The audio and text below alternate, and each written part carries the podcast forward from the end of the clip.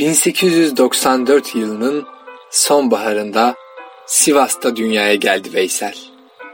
Annesinin adı Gülizar, babasının ise Ahmet'ti. Veysel'in iki kız kardeşi yörede yaygınlaşan çiçek hastalığına yakalanarak yaşamlarını yitirdiler. Ardından Veysel de ne yazık ki 7 yaşında aynı hastalıktan dolayı iki gözünü kaybetti. Bu durumu kendisi şu sözlerle dile getirdi yıllar sonra. Çiçeğe yatmadan evvel anam güzel bir enter dikmişti. Onu giyerek beni çok seven Muhsine kadına göstermeye gitmiştim. Beni sevdi. O gün çamurlu bir gündü. Eve dönerken ayağım kaydı ve düştüm. Bir daha kalkamadım. Çiçeğe yakalanmıştım. Çiçek zorlu geldi. Sol gözümde çiçek beyi çıktı. Sağ gözüme de solun zorundan olacak perde indi. O gün bugündür dünya başıma zindan. Bir gün Veysel'in babası oğlunun sıkıntısını unutup bir uğraş edinebilmesi için Veysel'e bir saz verdi. İşte o saz ömrü boyunca Veysel'in en yakın dostu oldu. Veysel'in babası şiire meraklı olduğundan oğluna halk ozanlarından şiirler okuyup ezberletiyordu o vakitlerde. Yörenin ozanları da zaman zaman Veysel'in yanına uğrayıp ona türküler söylüyorlardı. Sazının düzeninde veya kırılan tellerinin onarımında ise komşuları Molla Hüseyin ona epey yardımcı oluyordu. İlk saz derslerini babasının arkadaşı Aşık Ali'den alan Veysel, Pir Sultan Abdal, Karacaoğlan ve Dertli gibi usta ozanların dünyalarıyla tanıştı bu sayede. Ne var ki Birinci Dünya Savaşı vakti gelip çattığında harbe gidemediği için çok üzüldü Veysel. Zira yüreğindeki vatanseverlik duygusu ağır basmaktaydı. Üstelik bu durumun yanında yoksulluğun giderek artması ve arkadaşsızlık acısı Veysel'i umutsuz bir ruh haline sürükledi.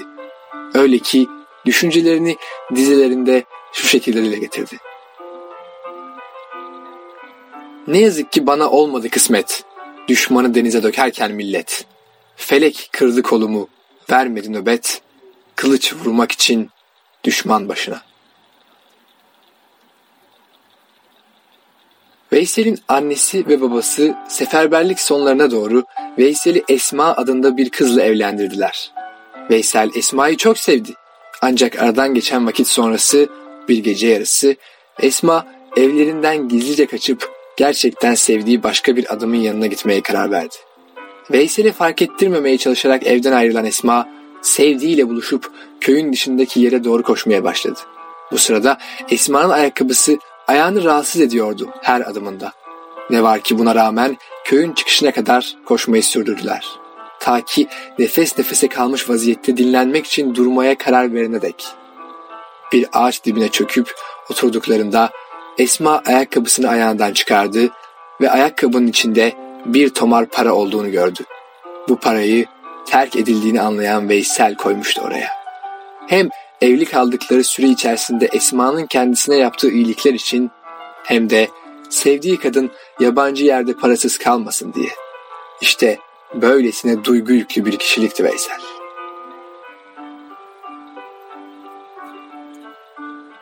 ...1930'lu yılların başında Sivas Lisesi'nin edebiyat öğretmeni Ahmet Kutsi Tecer ve arkadaşları Halk Şairlerini Koruma Derneği'ni kurdular ve üç gün süren Halk Şairleri Bayramı'nı düzenlemeye karar verdiler. Bu durum Veysel için önemli bir dönüm noktası oldu. Zira katılanlar arasında Veysel de vardı. Ahmet Kutsi Tecer ve arkadaşları katılımcılara yol parası gönderdiler. Ancak Veysel bu parayı kabul etmedi. Halk Şairleri Koruma Derneği'ne başladı. Bu durum Ahmet Kutsi'nin dikkatini çekti ve Ahmet Kutsi Tecer tanışan Veysel'in hayatı değişmeye başladı. Cumhuriyet'in 10. yıl dönümünde Ahmet Kutsi'nin yönlendirmesiyle bütün halk ozanları Mustafa Kemal ve Cumhuriyet üzerine şiirler yazdılar. Bunlar arasında Veysel de vardı. Atatürk'tür Türkiye'nin ihyası, kurtardı vatanı düşmanımızdan, canını bu yolda eyledi feda, biz dahi geçelim öz canımızdan dizeleriyle başlayan ve Veysel'in herkesçe tanınmasını hatta köyünden dışarı çıkmasını bile sağlayan bu şiirin Ankara'ya götürülmesine karar verilince Veysel Ataya ben giderim diyerek şiirini Mustafa Kemal'e elden teslim etmek istedi. Arkadaşı İbrahim ile beraber yürüyerek tam 3 ayda kat ettikleri yol zorluydu. Ancak o günlerde İran Şahı'nın Ankara'yı ziyaret ettiği günlerdi. Atatürk'e Veysel ve arkadaşının geleceği söylenmemişti. Bu yüzden Atatürk ile görüşemeyen Veysel ve arkadaşı İbrahim şiiri Hakimiyet-i Milliye gazetesine vermeyi düşündüler. Bu güzel şiir gazetede 3 gün süre ile yayınlandı. Böylece Veysel beğenilen ve saygı duyulan bir şahsiyet haline geldi. Sürdürdüğü aşıklık geleneği dolayısıyla Aşık Veysel olarak tanındı Türkiye'de. İlerleyen yıllarda köy enstitülerinin kurulmasıyla 6 okulda saz öğretmenliği yaptı Veysel. Bu okullarda Hasan Ali Yücel, İsmail Hakkı Tonguç, Ruhi Su, Bedri Rahmi, Sabahattin Eyüboğlu, Orhan Veli, Sait Faik, Behçet Kemal Çağlar gibi Türkiye'nin kültür yaşamına damgasını vurmuş birçok aydın sanatçıyla tanışma olanağı buldu ve şiirini iyiden iyiye geliştirdi Veysel. Yunus Emre'den etkilenerek tasavvuf ile ilgili ve Karacaoğlan'dan ilham alarak aşk konulu birçok şiir oluşturdu, bunları seslendirdi. Aynı vakitlerde Türkiye'nin birçok şehrini gezerek sazının ve sözünün gücünü gösterdi herkese. Öyle ki şiirlerini seslendirmek için dönemin en önemli radyolarından İstanbul Radyosu'na davet edildi Aşık Veysel.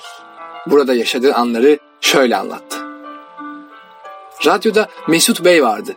Bana dedi ki, iyi söyleyin, tüm Türkiye dinleyecek. Ben de her bir tarafa duyurmak için fazla bağırmak gerekiyor zannettim. Hızlı hızlı ve yüksek sesle söyledim. Sonra Mesut Bey, merak etme, bağırmana gerek yok. Ne kadar hafif söylersen duyulur, dedi. Bu yayından sonra programı dinleyen Atatürk İstanbul Radyosu'nu arayarak Aşık Veysel ile bizzat görüşmek istediğini söylese de Veysel çoktan oradan ayrılmıştı. Saatlerce sokaklarda Veysel'i arayan polislerin çabası sonuçsuz kaldı. Veysel ortada yoktu. Ertesi günlerde durumu öğrenen Aş Aşık Veysel ikinci kez Atatürk ile buluşma fırsatını kaçırmıştı ne yazık ki. Yaşamı boyunca içinde bir ukde olarak kaldı Mustafa Kemal ile tanışamaması. Ünü ülkenin dört bir yanına yayılan Aşık Veysel'e yakın arkadaşları kendi aralarında para topladıklarını ve bu para ile Veysel'in gözünü açacak ameliyatın masraflarını karşılamayı teklif ettiler. Ne var ki Aşık Veysel bu teklifi bir dünyam var içimde benim. Gözlerim açılırsa bu dünya dağılır. Tekrar bir dünya kurmaya imkanım yok. Benim yarattığım dünya çok daha güzel diyerek reddetti.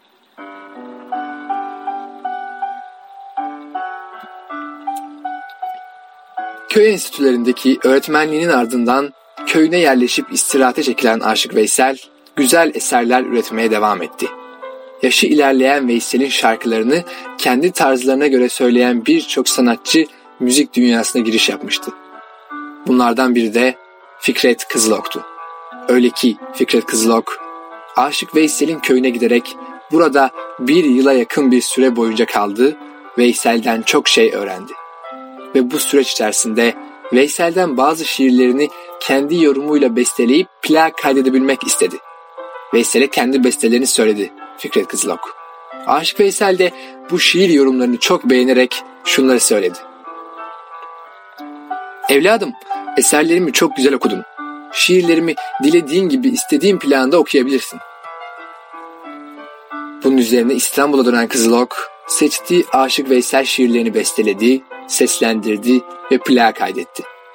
Sonrasında bu kayıtlar altın plak ödülü kazanınca Fikret Kızılok ödülü aldığı gibi tekrar Sivas'ın yolunu tuttu.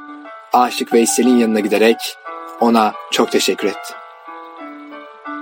Ömrünün sonuna dek birlik beraberlikten ve barıştan yana olan Veysel, dönemin Cumhurbaşkanı Cemal Gürsel'in davetine katılıp kendisiyle görüştüğünde Cemal Gürsel şunları söylemişti. Herkes sizin gibi görse memlekette kötülük kalmaz. Yaklaşık 80 yıllık hayatı sona ermeden önce öldükten sonra toprağa gömülmek istediğini ancak toprağın üzerine taş konulmasını asla istemediğini şu sözlerle ifade etti Aşık Veysel. Eğer gözlerim olsaydı toprağın özelliklerini bilemeyecektim. Çünkü toprak kimseyi aldatmaz, kimsenin hakkını yemez. Bu yüzden de ben öldükten sonra üzerimde otlar bitsin, çiçekler açsın. Taş ve çimento kapatırsa olmaz. O zaman kimse istifade edemez. Bundandır ki benim toprağım da milletime hizmet etsin. Orada biten otlardan koyun yesin, et olsun, kuzu yesin, süt olsun. 21 Mart 1973 günü yaşama veda etmeden önce yüzyıllar sonrasında bile kalacak unutulmaz şiirler bıraktı arkasında Aşık Veysel. Bunlardan bazıları Kara Toprak, Uzununca bir yoldayım, dostlar beni hatırlasın.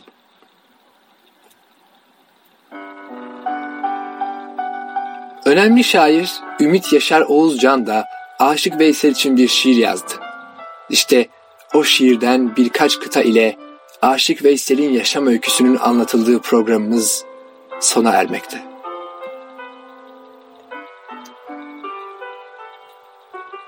Doldurulmaz yerin senin. Dostlar seni unutur mu?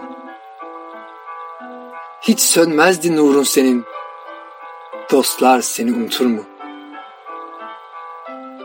Tertemiz bir özün vardı, ap aydınlık yüzün vardı. Söylenecek sözün vardı, dostlar seni unutur mu? Şiirde sağlam temeldin, insanlıkta en güzeldin. Biz bir ümit, sen Veysel'din, dostlar seni unutur mu?